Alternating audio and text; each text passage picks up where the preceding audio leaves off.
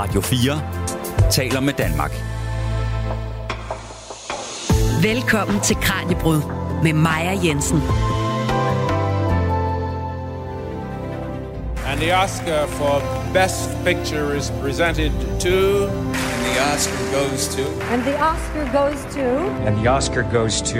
And the Oscar goes to. Natten til mandag bliver verdens bedste skuespillere, filmmusik, instruktører, visuelle effekter, filmmakeup og selvfølgelig film hyldet ved det årlige Oscar-show.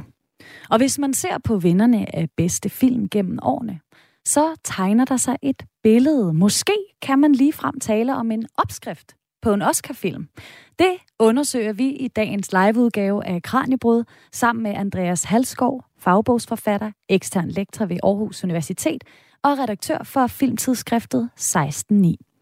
Og hvis du, der lytter med, har spørgsmål til Andreas, eller hvis du vil byde ind med dit bud på, hvad der kendetegner Oscar-vinderne, eller måske lige frem, hvem der løber med statuetterne natten til mandag, så kan du sende dem ind på sms. Skriv R4, lav et mellemrum, efterfulgt af dit spørgsmål eller din Oscar-forudsigelse, og send den afsted til 1424. Mit navn er Maja Jensen. Velkommen til Kranjebrud. Du lytter til Radio 4. Og så vil jeg gerne byde velkommen til dig, Andreas Halskov. Tak skal du have. Andreas, du skal jo gøre os meget klogere på The Oscars, og ikke mindst de film, som har og har haft de bedste chancer for at hive guldet med hjem efter prisfesten. Og jeg synes, vi skal starte med institutionen Oscar. For ham her, Oscar, han er efterhånden en gammel herre. Han fylder 95 i år. Hvordan går det med ham? Hmm. Ej, han er nok ved at være lidt gammel i det, som du siger. ja, han var en, øh, en pussy nyskabelse til at starte med nærmest sådan en slags fagforenings, øh, for, et fagforeningsforetagende, der handlede om at forsøge at øh, promovere industrien eller branchen udad til. Ikke mindst en række af de fagfolk, som man jo typisk ikke bemærker. Øh, en, en, en helt almindelig film er jo lavet af ualmindelig mange mennesker. Det er jo en kollaborativ proces, hvor der måske har været, hvad ved jeg, 50 indover alene at arbejde med lyd og musik, og hvem ved overhovedet, hvem komponisten er, ikke? Og det er jo så en af dem, der rent faktisk er ansat fra starten, men men der gemmer sig utrolig mange fagfolk og mange forskellige tekniske elementer i et crew på en almindelig film, og derfor, som man sige, ideen var oprindeligt at anpasse, som det hedder, altså det akademi, som vi kalder Oscar Akademiet i daglig tale i 1927, blev enige om, vi skal have vi skal promovere den her industri og også fortælle, hvad det er for nogle prestigefyldte film, der også kan produceres. Ikke? Så det handlede dels om at promovere industrien til at starte med, og så handlede det også om at promovere filmkunst. Øh, det er ikke ligegyldigt, det vi laver. Det er ikke kun palaver og flimflam. Det er også, det er også seriøse ting, der tager alvorlige problemer op og sådan noget. Så det har ligesom været en tanke fra institutionens begyndelse. Over årene så er det gået fra at være en af de største institutioner i amerikansk tv, næsten på højde med Super Bowl, Super Bowl ikke? Øh, til at være, mm, være lidt i krise. Altså, man har jo i hvert fald hørt mange historier de senere år, at seertallene af forskellige årsager dalet, øh, og det har været svært at få fat i de unge publikummer. Så et behov for fornyelse har nok været til stede, og øh, det er svært med en gammel dinosaurus. Mm. Altså, der er jo rigtig mange filmpriser, men det er som om, at Oscars har en helt særlig status. Hvorfor det, når man kan sammenligne med så mange andre? Ja, og det kommer jo nok an på, hvad status vil sige. Ikke? Fordi man kan sige, at den har helt sikkert i bred forstand nok større status end, end alt muligt andet. Øh, men for eksempel filmfestivaler som Cannes eller Venedig eller sådan noget har i, i filmkredse er jo helt sikkert en anden status. Øh, det er også typisk mere arthouse-produktioner eller kunstfilm, som gør sig gældende der, hvor øh, Oscar, det er det, man kalder middlebrow. Ikke? Det, er, det, det, det er ikke dem, vi rynker på brynen af, fordi det er noget pop, men det er heller ikke dem, hvor, øh, hvor vi ikke forstår, hvad der foregår, eller hvor de ikke har en handling. Det, det, det er handlingsorienteret film typisk jo, der vinder. Øh, så derfor kan man sige, at Oscar har et greb ind i det brede publikum, samtidig med, at det også har et kunstnerisk løft. Og den kombination gør jo nok, at det automatisk har større appel, end e- eksempelvis kan. Øh, men altså, i filmkredse, så tror jeg nok, man synes, kan det, det er også fint. Ja. Og så kan man sige, at de andre, det er jo typisk festivaler. Ikke? Så det er jo lidt en anden konstruktion. Altså, Oscar, det er vildt kun en filmpris. Ikke? Det er det, det er. Øh, og så en branchefest. Ikke? Men, øh, men de andre er festivaler, der også handler om at få vist film frem, som man ikke ellers ser fra egne, vi ikke nødvendigvis kender og sådan noget. Så, øh, så, så der er afgørende forskel på Venedig og Cannes og Berlin og, og så Oscar. Og Oscar er rigtig nok en kæmpe institution, og har også været det i mange, mange, mange år. Ikke? Men det vil altså sige, at grunden til, at jeg siger, at Oscar har en særlig status, det er også fordi, at de film, der bliver præsenteret til Oscar-uddelingen, måske også taler mere til mig, end de her mere kunstneriske øh, filmfestivaler og film, filmpriser. Nu nævner du kan for eksempel, som måske er mere anerkendt inden for filmbranchen. Ja, jeg vil tro, at øh, der er film inden for begge dele, der taler til dig. Øh, og, jeg, og der er jo også nogle af de lidt kunstlede film, hvis vi skal give dem sådan den, den betegnelse, øh, som finder, finder en plads i Oscar-kredsløbet. Men, men ja, jeg tror sådan bredt set, vi kender bare de film, der har været i Oscar-sammenhængen, fordi øh, fremdeles er vi jo vant til et amerikansk indhold, og, øh, og vi er også vant til film, der fortæller en historie. Altså en af mine yndlingsfilm, ikke? nu er jeg, udover at jeg er meget begejstret for David Lynch, som ikke har den store plads i Oscar-historien, så er en af mine yndlingsfilm, hvis ikke min yndlingsfilm, og det er umuligt at sige, ikke? men det er nok One Flew of the Cuckoo's Nest, ikke? og jeg har været så heldig at tale med, med, med størstedelen af holdet bag den. Øh, hvad hedder det? det? Det er jo en film, som er en af de største Oscar-vinder igennem historien, men er jo ikke bare en mainstream-fortælling. Altså den har også et ben i den lejr, der hedder det kunstlede. Mm. Øh, men jo, jeg tror da, at en, en del af grunden til, at du siger, at den har den der store øh, aura, lige netop Oscar, det er, fordi det har den jo. Det er, man ser ikke et radioprogram, eller hører ikke et radioprogram, øh, der handler specifikt om Cannes. Altså, vi kan godt få et indslag på TV2 News, hvor Jakob Ludvigsen, han rapporterer fra Cannes Festivalen, eller hvor, øh, hvad ved jeg, en, en eller anden har været i Berlin og i særdeleshed hvis en dansk film er repræsenteret, så, så får vi stensikkert et indslag. Men et helt program om Cannes Festivalen, ah, det er svært at forestille sig. Det, det er et, på den måde, så, så har det et større tag ind i den brede befolkning. Det, det tror jeg. Og det er ikke et udtryk for, at det er bare pop. Altså, det er bare et udtryk for, at de rammer øh, med deres film. Altså, de fleste mennesker vil jo gerne have en film, der har en fortælling, trods alt. Ikke? Og det behøver kunstfilm ikke have. Når det så er sagt, så skal jeg skynde mig at sige, at der har været mange kunstfilm repræsenteret ved Oscar. Også Ingmar Bergman, og også Fellini og alle sådan nogen. Ikke? Ja. Men der er altså en bred appel, når det kommer til Oscar. Og alligevel, så, når jeg tænker på Oscarshowet, så tænker jeg også på den kritik, det er, Oscars har fået. Oscars So White, som kørte for nogle år siden. Altså, nu taler vi om, at øh, Oscar er ved at blive en gammel herre, 95 år. Er han lidt for tilbageskuende og gammeldags? Jeg tror, at det er svært med så store institutioner øh, helt at bevæge sig fremad hele tiden. Ikke? Der, der, det vil altid være en, på en eller anden måde vil den være lidt tilbageskuende. Det, det tror jeg, at den er. Og, øh, og, og, og der er det her med Oscar So White, eller er det, er det fremdeles ældre mænd, der dominerer akademiet, og i hvilken udstrækning giver det sig til udtryk i de film, man hylder og sådan noget. Det har der jo været meget snak om, og, øh, og jo, jeg tror, der også kan have en lille smule tilbageskuende, og det er en af grunde til, at de kæmper for seer. Så er der også blevet gjort rigtig meget ud af lige netop den vinkel, som jeg måske synes er en lidt overbrugt vinkel. Der er jo også, hvad hedder det, der er jo mange grunde til, at folk ikke ser det. En god grund er, at vi ser ikke det samme tv-indhold. Altså, der er jo også færre, der ser landskamp. Nu ved jeg godt, det var så særligt populært øh, i forbindelse med EM og sådan noget. Og så var vi så pæst til VM, så gider folk ikke længere. Men, men, men man kan godt sammenligne det med faktisk VM, og der er jo nogen, der nogle gange har talt om Oscar som VM for film og sådan noget. Det er jo noget forbandet vrøvl. Man kan jo man kan sammenligne to nationer, der spiller en fodboldkamp, og det ene hold vinder. Det er svært at sammenligne to film og sige, at den ene er bedre. De kan jo have virkelig, virkelig forskellige kvaliteter. Og det er jo ikke en kamp, de har internt imod hinanden. Det er jo en imaginær kamp. Men man kan sige, at de har det til fælles også som tv-begivenhed betragtet, at det er noget, der historisk har samlet os, som var et watercooler moment. Vi kunne, vi kunne se det sammen, hvis vi kunne holde os vågne, og så kunne vi mødes på, på, på arbejdspladsen hen over en, et glas vand ved vandkøleren og tale om, ej for helvede, så du, undskyld mig, jeg så du, at det var Silence of the Lambs, der vandt alle priserne. Det giver ikke mening, den er lige udkommet, og den er slet ikke, øh, var slet ikke meningen, den skulle ind i kredsløbet, og hvordan kan det være, den fik alle fem hovedpriser? Ja, ja, det er aldrig sket før. Jo, jo, jo, der var et Happened One Night i 1934. Er det rigtigt? Nå ja, hvor vildt, ikke? Og det, det gør man jo ikke mere, fordi vi ser ikke det samme indhold. For, så der er også nogle så kan man sige, industrielle årsager, der ikke har noget med Oscar-prisen at gøre. Men jo, den er lidt tilbageskuende. Ja.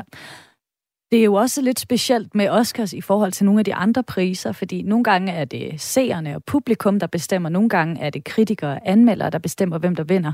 Og ved Oscarshowet, der er det akademiet, The Academy, der bestemmer. Hvem er The Academy? Du var lidt inde på det i starten. Jamen, det er jo en række mennesker. Vi har jo også danskere repræsenteret i akademiet. Øh, Peter Albrechtsen, danske lyddesigner, eksempelvis i Akademiet, Christian Eidnes øh, Akademiet, jeg jo en del større instruktører der i Akademiet osv. Øh, men det er jo en masse fagfolk, som, for det var det, jeg sagde, det er jo til at starte med en slags intern branchepris, der jo havde sådan et øh, udadvendt øh, promoveringsøje med, men som samtidig også, man kan sige, internt kan de blive enige om, inde i branchen, at det er vigtigt, det vi laver. Så det er sådan, har det lidt karakter af en branchefest, ikke? Så hvis du har lavet en række film, og så, så kan du blive inviteret til det akademi, og så kan du få lov til at stemme om de film, der er i spil. Og, øh, og det er jo noget af det, der er lidt pussy i. Det er ikke så meget det, at det er en branchefest, men det er måske mere det, at når det er branchepriser, hvor en masse forskellige film er i spil, så er det lidt ligesom at stemme om månedens medarbejder. Det er ikke nødvendigvis den, nogen bedst kan lide, men måske den, der bliver nummer to hos alle som mm. er i spil. Ikke? Altså, så behøver ikke engang være den film, de, de fleste synes er bedst. Det kunne godt være, lad os sige, Triangle of Sadness i år. Der er ingen, der tænker, den vinder. Uh, alle tænker, den er formentlig nok lavest i hierarkiet over de film, der kunne vinde som bedste film. Men uh, det kan være, der er nogen, der synes, det er den bedste, der overhovedet er. Og så er der bare rigtig mange, der synes, det er den dårligste, der er. Mm. Ikke? Så der er også noget om afstemningsprocesser og alt sådan noget. Dybest set, ja, så er det jo folk, der er en del af industrien og har været det i mange år. Ja, men det var altså lidt om Oscar-uddelingen, og hvem det er, der bestemmer, hvem der hiver priserne med hjem. Og jeg kunne godt tænke mig at høre, hvad du, der lytter med, synes om Oscar-uddelingen. Så hvis du vil dele din mening med os her i programmet, så kan du altså sende det her ind til 1424. Start beskeden med R4 og et mellemrum. Du er selvfølgelig også meget velkommen til at sende spørgsmål afsted. Men selvom Oscar har mange år på banen, og selvom der igennem tiden har været kritik af prisen og af prisshowet ikke mindst, så har Oscar stadig den her særlige status. Men hvordan vinder man så sådan en guldstatuette med hjem for sine skuespilpræstationer eller for sin film? Det kan man blive klogere på ved at se på tidligere Oscar-vindere. Du lytter til Kranjebrud på Radio 4. Og i dag sender Kranjebrud live om Oscar-film sammen med Andreas Halskov, redaktør for filmtidsskriftet 16.9 og ekstern lektor på Aarhus Universitet.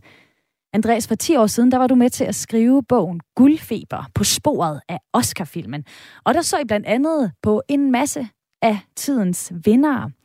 Og hvis du, der lytter med, ikke helt kan huske, hvilke film det er, der har vundet gennem tiden, så er der her et lille overblik over alle de film, der har vundet Oscar'en for bedste film. I hvert fald siden showet er blevet sendt på tv. And the Oscar goes to Slumdog Billionaire. An American in Paris. Platoon. Birdman. Chariots of Fire. Driving Miss Daisy. Forrest Gump. From here to eternity. DG. Hamlet. Gandhi. Amadeus. Tom Jones. Ben Hur. Braveheart. Coda. American Beauty. Cleopatra. In the heat of the night. Midnight Cowboy.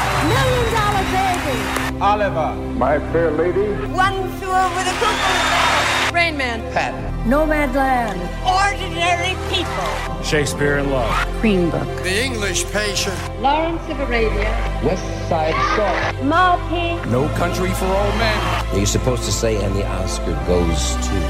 And the winner is. The winner is. The winner is. The winner is. The winner is. The winner is. The winner is. And the winner is. The winner is. The winner is. The winner is. And the winner is. Chicago! Dances with Wolves. The Deer Hunter. The Bridge on the River Kwai. Parasite. Godfather. Godfather Part 2. The Hurt Locker. The Last Emperor. The Silence of the Lambs. The Sound of Music. The greatest show on earth. The Artist. Out of Africa. The Sting. On the Water. The Shape of Water. And the Oscar goes to. And the Oscar goes to. And the Oscar goes to. And the Oscar goes to. And the Oscar goes to. And the Oscar goes to. And the Oscar goes to. And the Oscar goes to. Gladiator. Kramer versus Kramer. The Lord of the Rings, The Return of the King. Crash. Annie Hall. The Departed. Rocky. Unforgiven. The French Connection. Argo. Titanic. Spotlight. All the King's Men. All About Eve. Moonlight. Around the world in 80 days. The King's Speech. Schindler's List. 12 Years a Slave. A Beautiful Mind. And the Oscar goes to. Når man ser tilbage på de 94 Oscar-uddelinger, der har været indtil nu, så kan man øh, måske se et billede. Altså, der har selvfølgelig været film, der stikker ud i mange forskellige retninger. Men Andreas, hvis vi ser på, hvilke film, der generelt har vundet i bedste filmkategorien for eksempel, kan man så lave en form for Oscar-opskrift, som jeg jo øh, teasede lidt med i starten af programmet? Øh, ja, altså man skal altid være, være en, lidt forsigtig med, fordi det er klart nok, hvis man leder efter mønstre, så finder, finder man dem måske. Men, øh, men jo, der er helt klart nogle tendenser, og det er også nogle ret markante tendenser. Vi lavede en optælling, en simpel optælling øh, til tilbage i 2013. Ting sker jo, og det kommer vi nok tilbage til.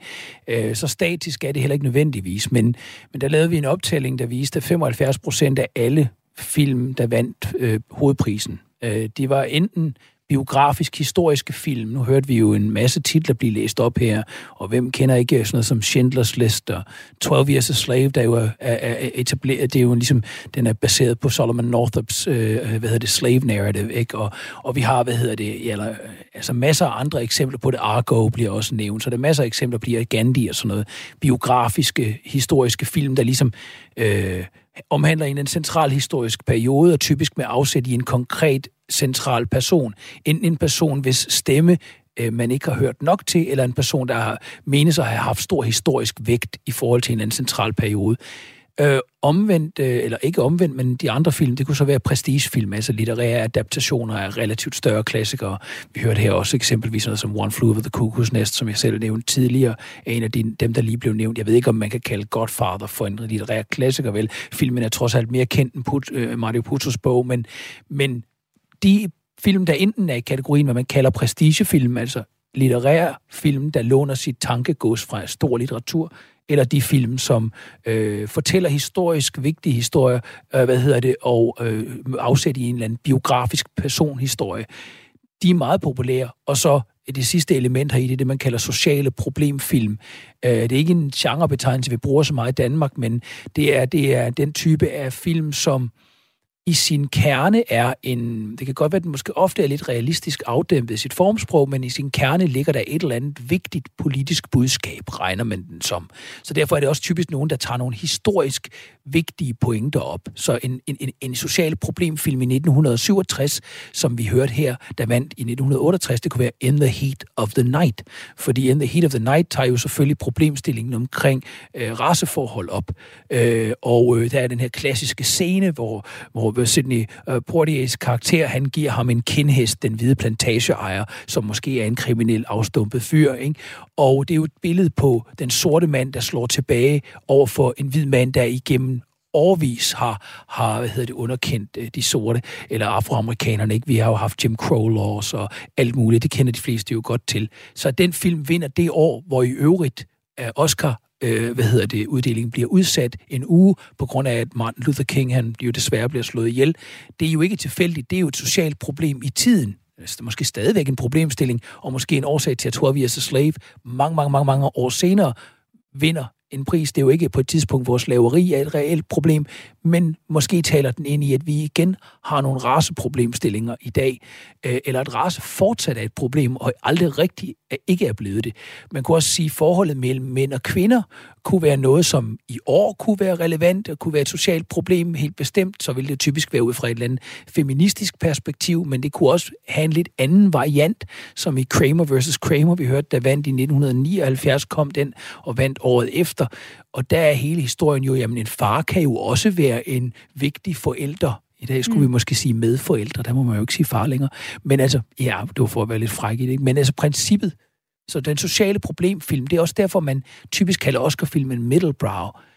den, han, den får, hvad kan man sige, sin afrejde kunstled. Ikke fordi den bruger et eksperimentelt formsprog, men typisk fordi den tager vægtige problemstillinger op og låner fra litteraturens og historiens skattekammer. Mm. Øh, og det er også derfor, at et ord, jeg, jeg elsker mange af de her film, ellers ville jeg ikke have været med til at skrive en bog om det. Men et ord, jeg egentlig grundlæggende hader, når folk taler om film, det er ordet vigtig. Altså, prøv at lægge mærke altså, til... den film, den er vigtig. Ja, prøv at lægge mærke til, hvor ofte at en eller anden anmelder siger noget pænt om en film, og det er, det er en utrolig vigtig film. Ja, ja, men altså, jo, jo, men hvis det er en vigtigt, vigtigt budskab, så skriv en klumme, ikke? Altså, øh, kan filmen noget på filmens præmisser, eller kan den bare fortælle mig, at jeg ikke skal være racist? Det, det synes jeg heller ikke, vi skal. Men hvis det er filmens kvalitet, så synes jeg, at filmen savner kvalitet. Mm. Øh, og det synes jeg så ikke er tilfældet i 12 Years a Slave, og, og der slet ikke in the heat of the night, synes jeg er en fantastisk film, der tilfældigvis også læner sig op af det politiske budskab, jeg så personligt kan stå inden for. Ja. Du nævner, at der er film, der trækker på enten historien eller fortællinger, altså skønlitterære fortællinger, og så de her øh, psykologisk problemfilm. Og det er der jo mange, der ved. Altså filmskaberne, de ved selvfølgelig også, hvad mange Oscar-film de har til fælles.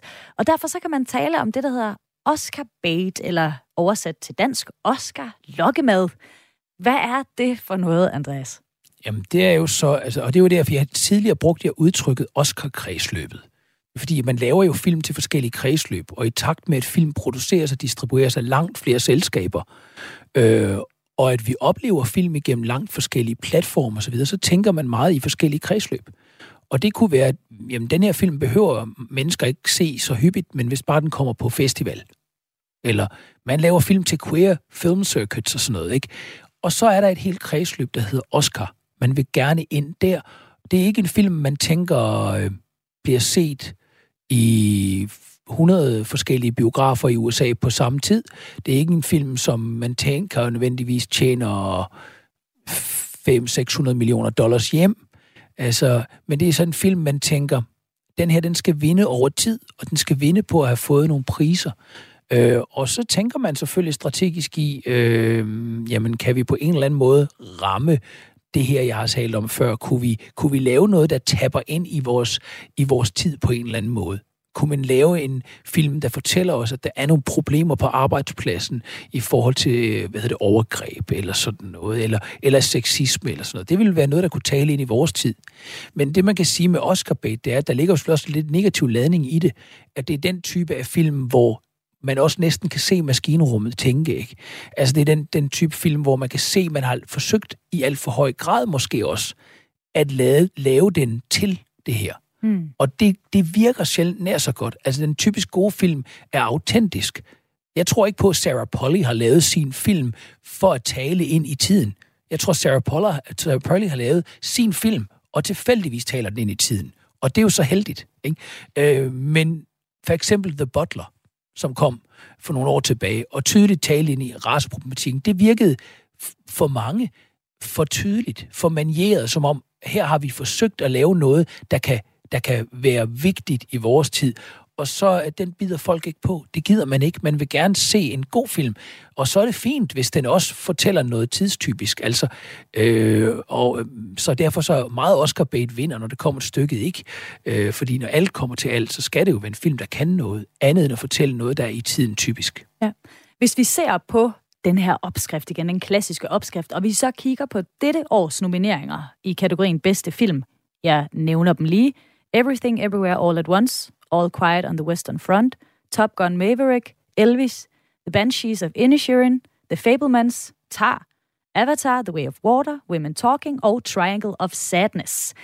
Hvilke af de her film har så mere eller mindre fuldt en form for Oscar-opskrift, og hvilke passer slet ikke ind i den her forståelse? Altså, min, sådan grundlæggende synes jeg, der er ved at ske noget rigtig spændende ved Oscar. Måske hænger det sammen med det, du sagde tidligere, med at de har svært ved at ramme publikum. Øh, den gamle mand, den gyldne statue, er ved at være lidt træt i benene. Og derfor så sker der noget, det åbner op for en række meget mere forskellige artede film. Og øh, hvis, vi, hvis vi siger, at den klassiske Oscar-film er middlebrow, så synes jeg, at, at, at grundlæggende Oscar-akademiet har åbnet meget mere op for både lowbrow og highbrow der er kommet mere, der er regulært kunstlet. Øh, Triangle of Sadness er en, en, en temmelig kunstnerisk film i en Oscar-kontekst eksempelvis, og det kan godt være, at den ikke har en chance for at vinde, men den er dog i spil. Øh, så kan man sige, jo jo, den handler på en måde også om klasse, og det kunne så være et socialt problem, der taler ind i vores tid, men det ligner jo Søren Dus med ikke en social problemfilm. Det, der, er ikke mange, der er ikke mange, der ser Triangle of Sadness, og som det væsentligste adelsmærke omkring filmen siger, den er vigtig. Nej, så vil de sige, wow, at den fortæller på en interessant måde. Ikke? Og det er det der, enten hader man den, eller også synes man, den er fed. Ikke også? Og så på den anden side, så har vi sådan noget som Top Gun, øh, som jo er det er jo en, en moderne attraktionsfilm. Det er sådan, se, manden har selv lavet sin stunts. Wow, det de, de er flot, ikke? Altså sådan, sådan noget, ikke? Altså, øh, og det er jo en altså fed actionbasker, intet ondt om det, men som jo sådan traditionelt set heller ikke har haft så meget øh, sin gang i Oscar-sammenhæng. Eller det passer ikke. De har typisk været sådan nogle, der kommer i spil, men aldrig re- reelt er i spil. Altså, vi skal lige huske, Star Wars var der også agtigt, eller, ikke? men det er ikke Star Wars, der vinder. Sådan noget. Altså, det var Annie Hall. Ikke? De får Hvad? lige et anerkendende nik. Ja, ja. Og så, øh... Vi kan godt se, at det er flot lavet inden for det der faglade halløj der, men, men, men herover er en, der handler om, at vi ikke fordeler pengene lige. Ikke? For at være helt ærlig, det er sådan traditionelt. Men jeg synes, det nye felt tegner et billede af en mere åben Oscar-sammenhæng, og jeg synes også, vi kan se det i Everything Everywhere All at Once, som den formentlig hovedvinderen. Den, det, det, det, det er i hvert fald mange, der sporten bliver, den peger et andet sted hen, så kan det godt være til gengæld, at vi har sådan noget som Tar, der jo ud over sin kunstneriske kvaliteter tager et problem om køn op, og dem har vi så altså et par stykker af, der gør, ikke? Så, så har vi sådan noget som Elvis-filmen, der jo klart er biografisk i, i sit udgangspunkt, og så ved vi, at den skal vinde for bedste mandlige hovedrolle formentlig ikke, fordi det er en biografisk film med Tour de Force skuespil, og det er en virkelig person, den handler om og sådan noget. Så der er noget, der smager af det klassiske Oscar, men der sørger også noget andet. Ja, og øh, nu senere i programmet, der skal vi også tale lidt mere om de her skuespilpræstationer og Tour de Force, som du lige får nævnt her. Det skal vi nok få forklaret, hvad er. Men allerførst, så skal jeg byde velkommen til min kollega Kasper Fri, som står og holder øje med sms'en. Ja, ja, der er flere, der har skrevet ind, men der er en her, der lige, måske lige passer ind nu her, øh, for nu har I nævnt alle dem, der er nomineret i år, en 10 stykker, øh, og vi finder så ud af, hvem vinderen er her øh, på, på mandag. Men øh, der er øh, en lytter, der spørger, hvordan er så proceduren bag udvælgelsen af de her nominerede? Altså, det er jo lidt væsentligt at vide øh, for at, kan man sige, afgøre værdien af en Oscar i virkeligheden. Jamen, øh, proceduren er jo, at de får øh, alle de her Oscar-medlemmer, og det er jo ikke nødvendigvis nogen, der bor i USA. Mange af dem bor jo alle mulige andre steder. De får sådan udsendt Oscar-filmen, ikke? Og sådan med særligt vandmærke, ikke? Og så, så skal de jo så, så skal de give, angive point til dem, ikke? Og så stemmer man ind, så sender man det ind, ikke? Og så, hvad hedder det, bliver det så sammensat, ikke? Og så er det jo, at man vinder, ikke? Så derfor så er det jo, at det historisk godt kunne betale sig at være to år om man så må sige. Ikke? Altså, øh, det kunne godt betale sig at være næst mest populær hos de fleste akademimedlemmer, ikke? Så man i det hele får flest point. Ja. Så altså for eksempel, nu nævnte jeg Peter Albrechtsen og Christian Eidnes, som er, det er fordi, jeg selvfølgelig kender de to mennesker. Ikke? Jeg er med på, at der er mange andre i den danske industri, der, der også er medlemmer, altså Bille August, men jeg kender ikke Bille August vel. Så nu kunne jeg nævne de to, jeg kender, der, når de så har stemt, de har fået konvolutten, og de har set filmene, og de har stemt, så, så, så vil de typisk lægge et billede op på Facebook, hvor der så er ligesom Oscar-statuetten, og så vil der stå, ikke? så nu har jeg givet min stemme. Men det, man kan sige selvfølgelig, som er et procedurespørgsmål sådan set, eller har med proceduren at gøre, nemlig, der er jo ikke nogen sikring for, at de mennesker, der stemmer, har set alle filmene. Og man kan sige, på den måde, så er det jo også lidt, altså, jeg vide, hvor mange af Oscar-medlemmer, der overhovedet har set Triangle of Sadness. Ikke? Øh, og mit gæt er ikke nødvendigvis alle sammen da.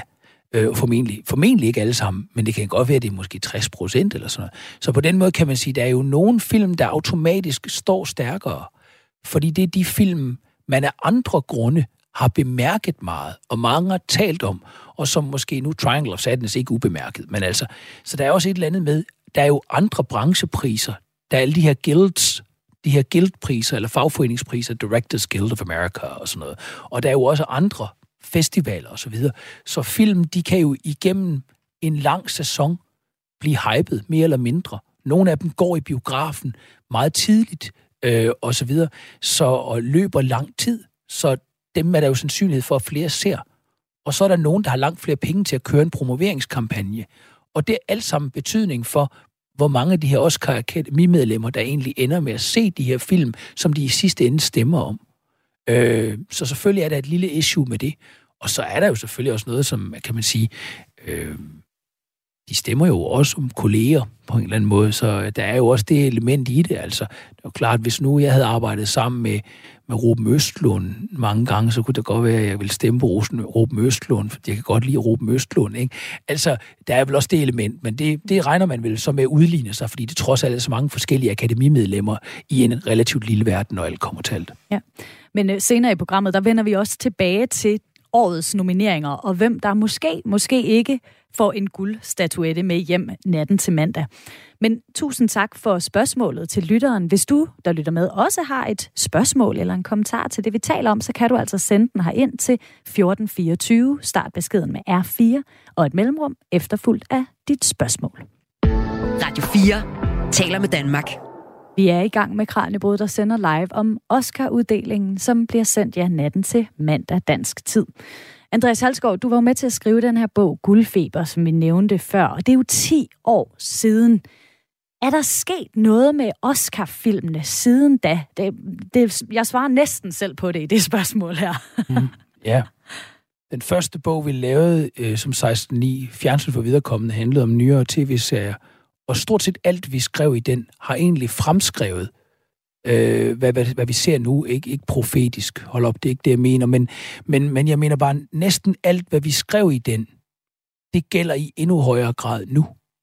Øh, guldfeber, det er noget andet med den. Altså, øh, sige, at øh, der er sket meget med Oscar i de seneste 10 år. Det er der faktisk. Så selvom vi talte om, at det er en, det er en gammel, lidt træ herre, vi har med at gøre, øh, så er der ved at ske noget, og jeg tror, det er fordi generelt er der ved at ske noget med publikum. En ting er, at publikum ikke ser det samme tv-indhold længere, for så vidt som vi overhovedet ser tv. Noget andet er, at øh, så altså, de forsøger ligesom at få fat i det unge publikum, som er svært at have med at gøre. Øh, noget andet er også, at det er publikum, vi har med at gøre i dag, det er et meget mere globalt publikum. Altså, øh, mm, når jeg underviser på universitetet, eller hvis jeg underviser i gymnasiet, øh, de unge mennesker ser koreansk indhold. De ser altså tyrkiske serier. De ser alt muligt, hvor man tænker sådan, altså, jamen, øh, og de, ikke mindst altså, altså, sådan noget som Parasite har været meget væsentligt i den sammenhæng. Det, der, øh, Oscar har jo været nødt til også at slå dørene op til en videre verden, øh, og ikke med H, men mm. en, med en, en, en global verden. Og det har så med betydet noget, fordi øh, man kan sige, for at være helt ærlig, der har jo været europæer i spil tidligere, og det hedder sig jo, at det er bedste film. Det hedder sig jo ikke, det er bedste amerikanske film. Men vi skal jo være helt ærlige. Hvis vi, hvis vi går tilbage i historien, så har det jo alle dage været amerikanske film, der har været bedste film. Med, altså, så har, det, så har det været sådan en udenlandske, bedste udenlandske film. Men nu, nu, nu er udenlandske film, kan de være i kategori for bedste film, og der, der kommer film fra helt andre kulturer, vi ikke tidligere har set. Det, det betyder noget for, hvilke film, der også er i spil.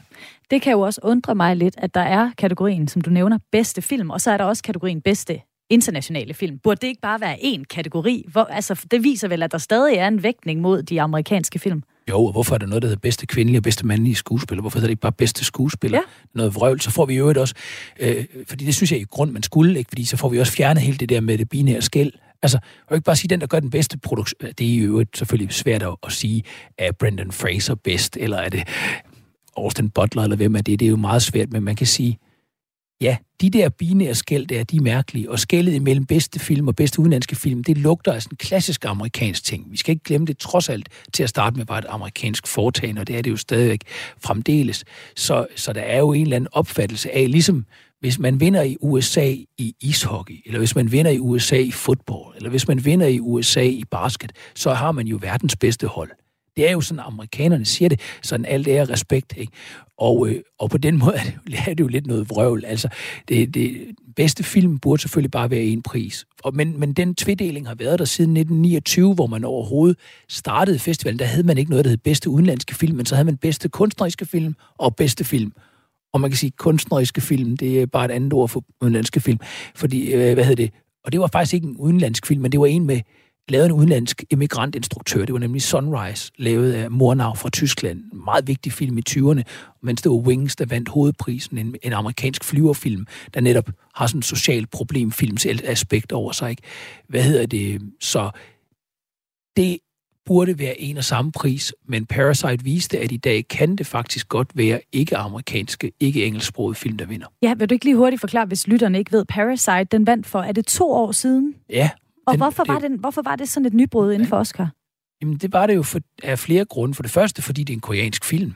Og så kommer han derop bagefter instruktøren, og hvad hedder det, modtager prisen på koreansk øh, siger vel stort set ingenting på engelsk, udover han nævner Martin Scorsese. Hvis man ser den optagelse på YouTube, kan man jo gøre, øh, så kan man jo notere sig, at folk klapper lidt, da han går op og modtager prisen, men folk går amok og rejser sig i salen, da han nævner Martin Scorsese. Det er ret spøjst, ikke? Man tænker, han har lige modtaget prisen for bedste film, men folk går mere amok, når han nævner Martin Scorsese. Øh, hvad hedder det? Nå, men det er en, det er en sidehistorie. Det, hvad hedder det? Den var særlig, ikke kun fordi den var koreansk på et tidspunkt, hvor koreansk indhold jo er ved at blive bemærket på tværs af musik, tv, film, hvad ved jeg. Øh, men også fordi den fortæller helt anderledes.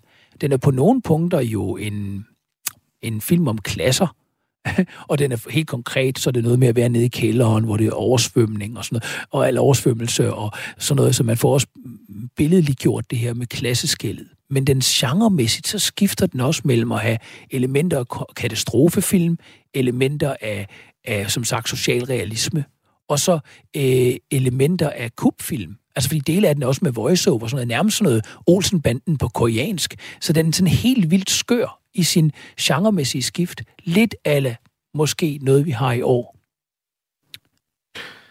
Så jeg har fået enkelt spørgsmål ind. Andreas Hanskov. Øh, det handler ikke så meget lige her om det her med, at vi er begyndt at se flere øh, altså en, en større globalisering på Oscar-fronten. Men det handler mere om det der, som du var inde på lidt tidligere, med i forhold til, hvorfor nogle priser, der, der, der tildeles. Øh, hvor du nævnte det med, det med det binære, måske i virkeligheden var lidt fjollet. Øh, der er en, der spørger til, øh, i forhold til bedste stuntskuespiller, som er en pris, der ikke uddeles. Men det er der åbenbart været noget snak om.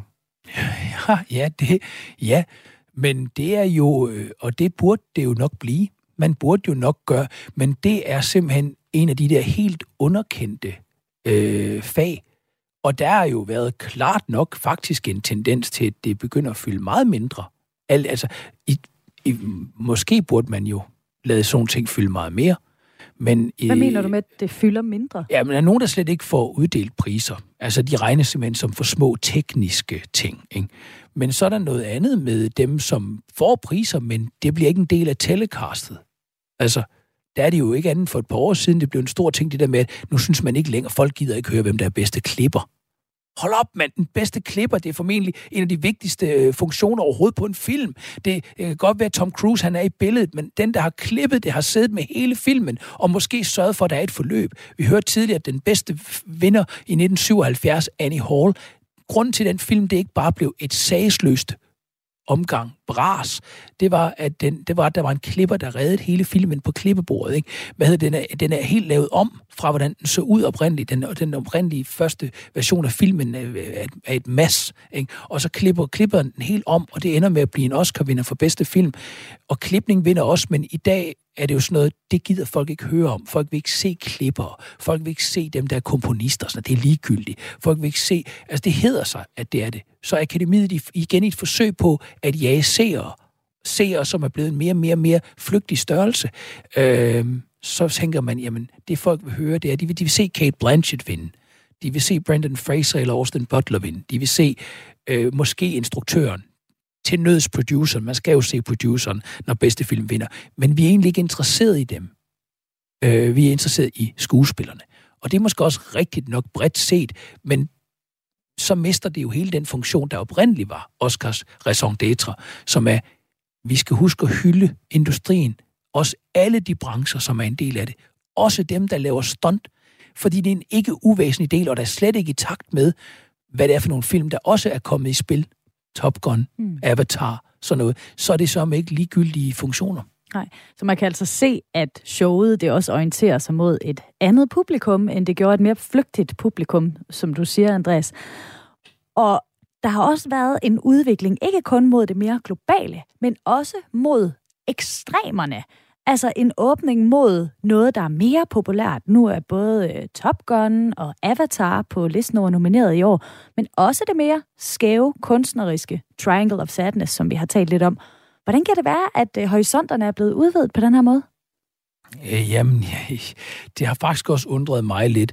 Jeg tror, øh, det har noget at gøre med, øh, jamen, der er faktisk flere ting i det, men den ene del, jeg kan huske, det, da du og jeg talte tidligere, så har vi snakket lidt om det her med, man ser det også lidt i blandt kritikere, ikke? Altså, at anmeldere, øh, der var engang en anmelder, ville ske aldrig røre ved sådan noget, øh, poppet noget som en ringnes herre-ting, eller sådan noget. Øh, det var før ringnes herre, vil jeg mærke, ikke? Men, øh, men i dag så er politikens fineste anmelder, og så synes de, at World of Warcraft-filmen, det var faktisk en god film, ikke? Eller øh, øh, der er vel stort set ingen af de større og meget seriøse medier, der ikke har skrevet noget meget høfligt og pænt om Avatar 2, eller med undtagelse af Lasse Winter, som godt kan lide franske artfilm og sådan noget, og det er der jo heller ikke noget dårligt i. I Weekendavisen var han vel cirka den eneste, der har sagt noget negativt om Avatar 2. For ellers er det jo sådan noget, som, som selv de finere medier faktisk tager til sig. Og i takt med, at øh, kritikerne er begyndt at blive mere positive over for, hvad kan vi sige, klassiske spektakler og blockbusters og sådan noget, øh, så begynder også branchepriserne at nærme sig øh, noget, der ellers tidligere har hørt til et andet kredsløb. Fordi det er jo det, når jeg siger kredsløb, så mener jeg egentlig bare, jamen altså, det kan godt være dem, der laver en Marvel-film, de vil da gerne have anerkendelse, ligesom alle andre. Vi vil da gerne have anerkendelse for det arbejde, vi laver men den har ikke brug for den anerkendelse. Forstået på den måde, at den skal nok klare sig uden den kunstneriske anerkendelse. De vil gerne høre det, dem der laver dem, men det er ikke vigtigt for dens økonomi. Øh, men det er vigtigt for Hurt Locker, for eksempel. Og når jeg nævner Hurt Locker, er det ikke tilfældigt, fordi Edward J. Epstein, der har skrevet om The Oscar Deception, han er sådan en helt stor Hollywood-økonom. Han, han siger, at det store bedrag ligger i, at vi tror, Avatar er vigtig. Avatar, hvornår kom den ud? Den kom i 2009, samme år som Hurt Locker. Hvem vandt? Det gjorde Hurt Locker. Hurt Locker er en relativt lille film i sammenligning med Avatar, som er en stor film. Den ene er der, fordi vi skal huske, og vi skal huske lige at nikke og, og, og tippe hatten to sekunder for de store dyrefilm, som alle ser. Men den, vi hylder, det er den lille film, og som heller ikke helt kan klare det uden. Men der synes jeg, der, der synes jeg vi har set noget de seneste år, ikke mindst i år, i retning af, at øh, der er blevet plads til de der helt almindeligt populære film, men også de mere kunstlede. Du lytter til Radio 4. Vi er i gang med Kranjebrud, i dag der handler det om Oscar-uddelingen, som finder sted natten til mandag. Og nu vender vi altså lige tilbage til det lydklip, som startede dagens program. And the Oscar for Best Picture is presented to... And the Oscar goes to... And the Oscar goes to... And the Oscar goes to... And the Oscar goes to...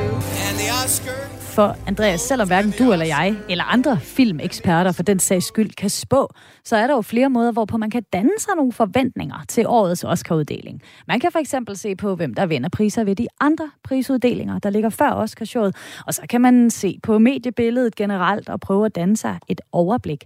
Og hvis vi kigger mod for eksempel de andre prisfester og ser, hvem der også er skrevet om i medierne, er der så nogen film, der ligger mere lunt i svinget end andre i forhold til at kunne tage den her gyldne statuette med hjem? Uh, ja, så der er rigtig mange, der mener, at Everything Everywhere All at Once, øh, den har rigtig gode chancer i år. Og det er jo lidt overraskende, for så vidt som det er en, mm, det er jo en amerikansk produktion, men den har jo sådan, hvad kan vi sige, asiatisk inspiration ret tydeligt, øh, og den er igen lidt ligesom, uden at den i øvrigt minder om Parasite. den, er, den er, om man så må sige, mere en fagladefilm, denne her, ikke også?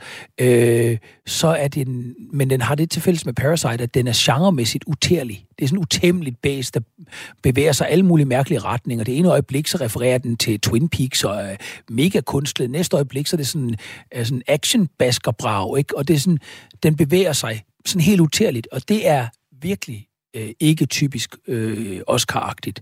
Den er langt fra den der sådan afmålte, stilfærdige, øh, alvorlige film, der handler om, om, om, hvad kan man sige, et eller andet i tiden verserende problem.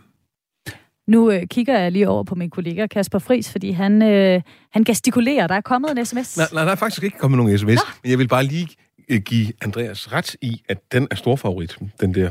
Den er faktisk så stor favorit, så det kan være, man skal overveje at lade være med at spille på den hos de internationale bookmakere, fordi der er ikke ret mange, ret mange penge at hente. Hvis du spiller en 100 kroner, så får du 105 kroner igen på den som bedste film. Ja, altså, det er, ja, man så den, den er gigantisk favorit, simpelthen. Hvad skal man så spille på, hvis man virkelig skal... Triangle of Sadness, ikke? Øh, Triangle of Sadness, altså, det er der altså god penge i, hvis du, hvis, hvis du går ud i det. Øh, faktisk kan jeg ikke se oddsene på den lige her. Altså, den er ikke, den er ikke Den er i, så langt i, nede på listen. Den er ikke i top 6 hos den bookmaker, jeg kigger på her. Nej, nej øh, den ligger helt i bunden. Næste favoritten, det er øh, Intet Nyt fra Vestfronten, øh, og, som, øh, som, hvor du får altså 1200 kroner igen for en 100 kroner. Så du kan godt se forskel på 105 og 1200 kroner. Altså, den, den vinder. Ja. Det siger de alle sammen. Passer de her forudsigelser med de nye tendenser, vi har talt om, Andreas? Når vi, når vi ser på Everything Everywhere All at Once? Ja, den, ja, den peger i, noget, i en anden retning. Altså i hvert fald så vil jeg sige, der var intet i guldfeber i 2013, der kunne have fagnet, at den film skulle vinde. Øh, med undtagelse af de der simple, øh, ja, selvfølgelig, du ved, det kan altid være sådan, og øh, det der, man altid siger, ikke, når man lige skal rygdække. Fordi der har selvfølgelig gennem historien været overraskelser. Det kan godt være, at Titanic er en af de store vinder, men det var en kæmpe overraskelse, og den blev flyttet lanceringsmæssigt, fordi man havde slet ikke regnet med, at den skulle i Oscar-sammenhæng. Det var bare sådan en sommerblockbuster, ikke? Så endte den med at blive kæmpe stor, ikke? Der var ingen, der havde regnet med, at Silence of the Lambs, som jo kom på et markant mærkeligt tidspunkt, øh, det er en februarudgivelse, der var ingen, der havde regnet med, at den skulle gøre sig gældende overhovedet. Det er en thriller, altså. Øh, men, og så vandt den de fem hovedpriser, ikke? Så altså, selvfølgelig har der i historien været overraskelser. Det har der. Men øh, jeg tror nok, jeg vil sige, at, at ja, den er overraskende på en måde, der kan passe ind i de ting, vi har snakket om. At vi er blevet mere åbne over for noget, der genremæssigt er svært at have med at gøre. Øh, noget, der også kunne se ud, som om det er influeret fra, kan vi sige, tendenser eller lande eller kulturer, som ikke er USA. Og, og noget, som fagner både det utroligt poppede og det utrolig utroligt. Øhm, måske fordi publikum er blevet mere åbent, kritikerne er blevet mere åbent, og branchefestivalen skal, eller undskyld, branchefesten skal forsøge at afspejle det. Ja. Og hvis vi lige skal kaste et blik på de der skuespillere, så har der jo været snak om bedste mandlige hovedrolle, især fordi at der har været lidt uenighed. Der er særligt to, der har fået meget opmærksomhed. Vi har nævnt dem et par gange. Austin Butler i Elvis og Brandon Fraser i The Whale. Og det var også her, du brugte det her ord eller begreb Tour de Force skuespil. Hvem af dem tror du vinder, og vil du ikke også lige forklare, hvad det der Tour de Force der er for noget? Jo, man plejer at sige, Dennis Bingham, som har lavet øh, den bog, der handler om, øh, øh, øh hvad hedder det, om The Biopic, eller den biografiske film, han siger, at et af hovedtrækkene ved den biografiske film, det er, at den, øh, den jo udover at handle om en central person i historien, Lincoln, hvem det nu måtte være, ikke, så lægger den op til en skuespiller, der transformerer sig til et rigtigt menneske. Og det er en tour de force øh, Øh, skuespilpræstation, ikke? Og det, hvad hedder det, øhm, fordi man, man er i stand til fuldstændig at komme til at blive Lincoln, eller man er i stand til fuldstændig at komme til at blive en eller anden. Og det er jo det, der er tilfældet, hvis man for eksempel spiller en Elvis, eller altså hvis man spiller en kendt person, eller hvis man spiller Gandhi, eller hvad det nu måtte være, ikke? Så den læner sig op i den her Tour de Force-ting, men Tour de Force er jo, at man at skuespillet, den der transformation, kan også være en fysisk transformation. Altså, at man lever sig så meget ind i rollen, at man nærmest taber sig til uigenkendelighed, eller, eller man tager 37 kilo på, som hovedrolleskuespilleren i Full Metal Jacket gjorde. Ikke? Øh, I den her tilfælde er der selvfølgelig tale også om en dragt, Brendan Fraser har på, men han har også fysisk transformeret sig. Og der er også en sjov storytelling omkring ham som person, der karakteriserer en transformation. Ham, der tidligere lavede Encino Man og fjollede komedier, nu bliver han faktisk en alvorlig skuespiller i en film, der handler om øh, en vigtig social problemstilling, nemlig øh, har fede mennesker lov at være her. Så hvem, hvem tror du mest på? Jeg tror, det bliver Austin Butler, der vinder, men jeg tror, jeg, jeg, jeg, jeg kan godt lide Brendan Fraser, og jeg håber, han får lidt kærlighed. Kasper, hvad siger oddsene? Jamen oddsene, de siger, altså, de siger, Brendan Fraser er, er, er favorit faktisk øh, i filmen The Whale. Så, øh, Jamen, så, så, så sætter jeg mine penge på, på Austin Butler, men håber på Brendan Fraser. ja, det synes jeg er en, en god idé. Andreas, vi har jo, jeg har jo nævnt et par gange, Oscar-showet, det bliver sendt natten til mandag. Skal du selv se med? Det skal jeg, sammen med, med mine børn, og øh, med min fætter og hans børn. Ja, det skal vi. Det bliver en, det bliver en hel begivenhed. Og øh, det er altså blevet tid til sidste spørgsmål for i dag, Andreas, og gerne kort måske et lidt svært spørgsmål her. En vigtig pointe om udviklingen i Oscar-uddelingen gennem tiden, måske baseret på årets nomineringer. Hvad synes du så er et af de store hovedbrud, en af de store forandringer, der er sket i Oscar-uddelingen? Øhm, jeg synes, en af de store forandringer, det er, at den er blevet meget mere åben øh, mod de store film og mod de skæve film. Øhm, det vil jeg sige er det korte. Blockbusteren er ikke længere noget, som kun skulle sælge sodavand og popcorn øh, op til sommerferien. Den kan også godt gøre sig i de fine, støvede haller, og der kan også godt blive plads til det helt skæve og smalle, som hidtil har været for smalt til Oscar. Og med det, så skal vi til at runde dagens program af. Jeg har haft besøg af Andreas Halskov, ekstern lektor ved Aarhus Universitet og redaktør for filmtidsskriftet 16.9. Tak fordi du havde lyst til at være med, Andreas. Selv tak. Også tak til min kollega Kasper Friis, der har stået ved sms'en. Velbekomme. Og tak til jer, der har sendt sms'er ind. Kranjebrud er produceret af Videnslyd for Radio 4. Mit navn er Maja Jensen. Tak fordi du lyttede med.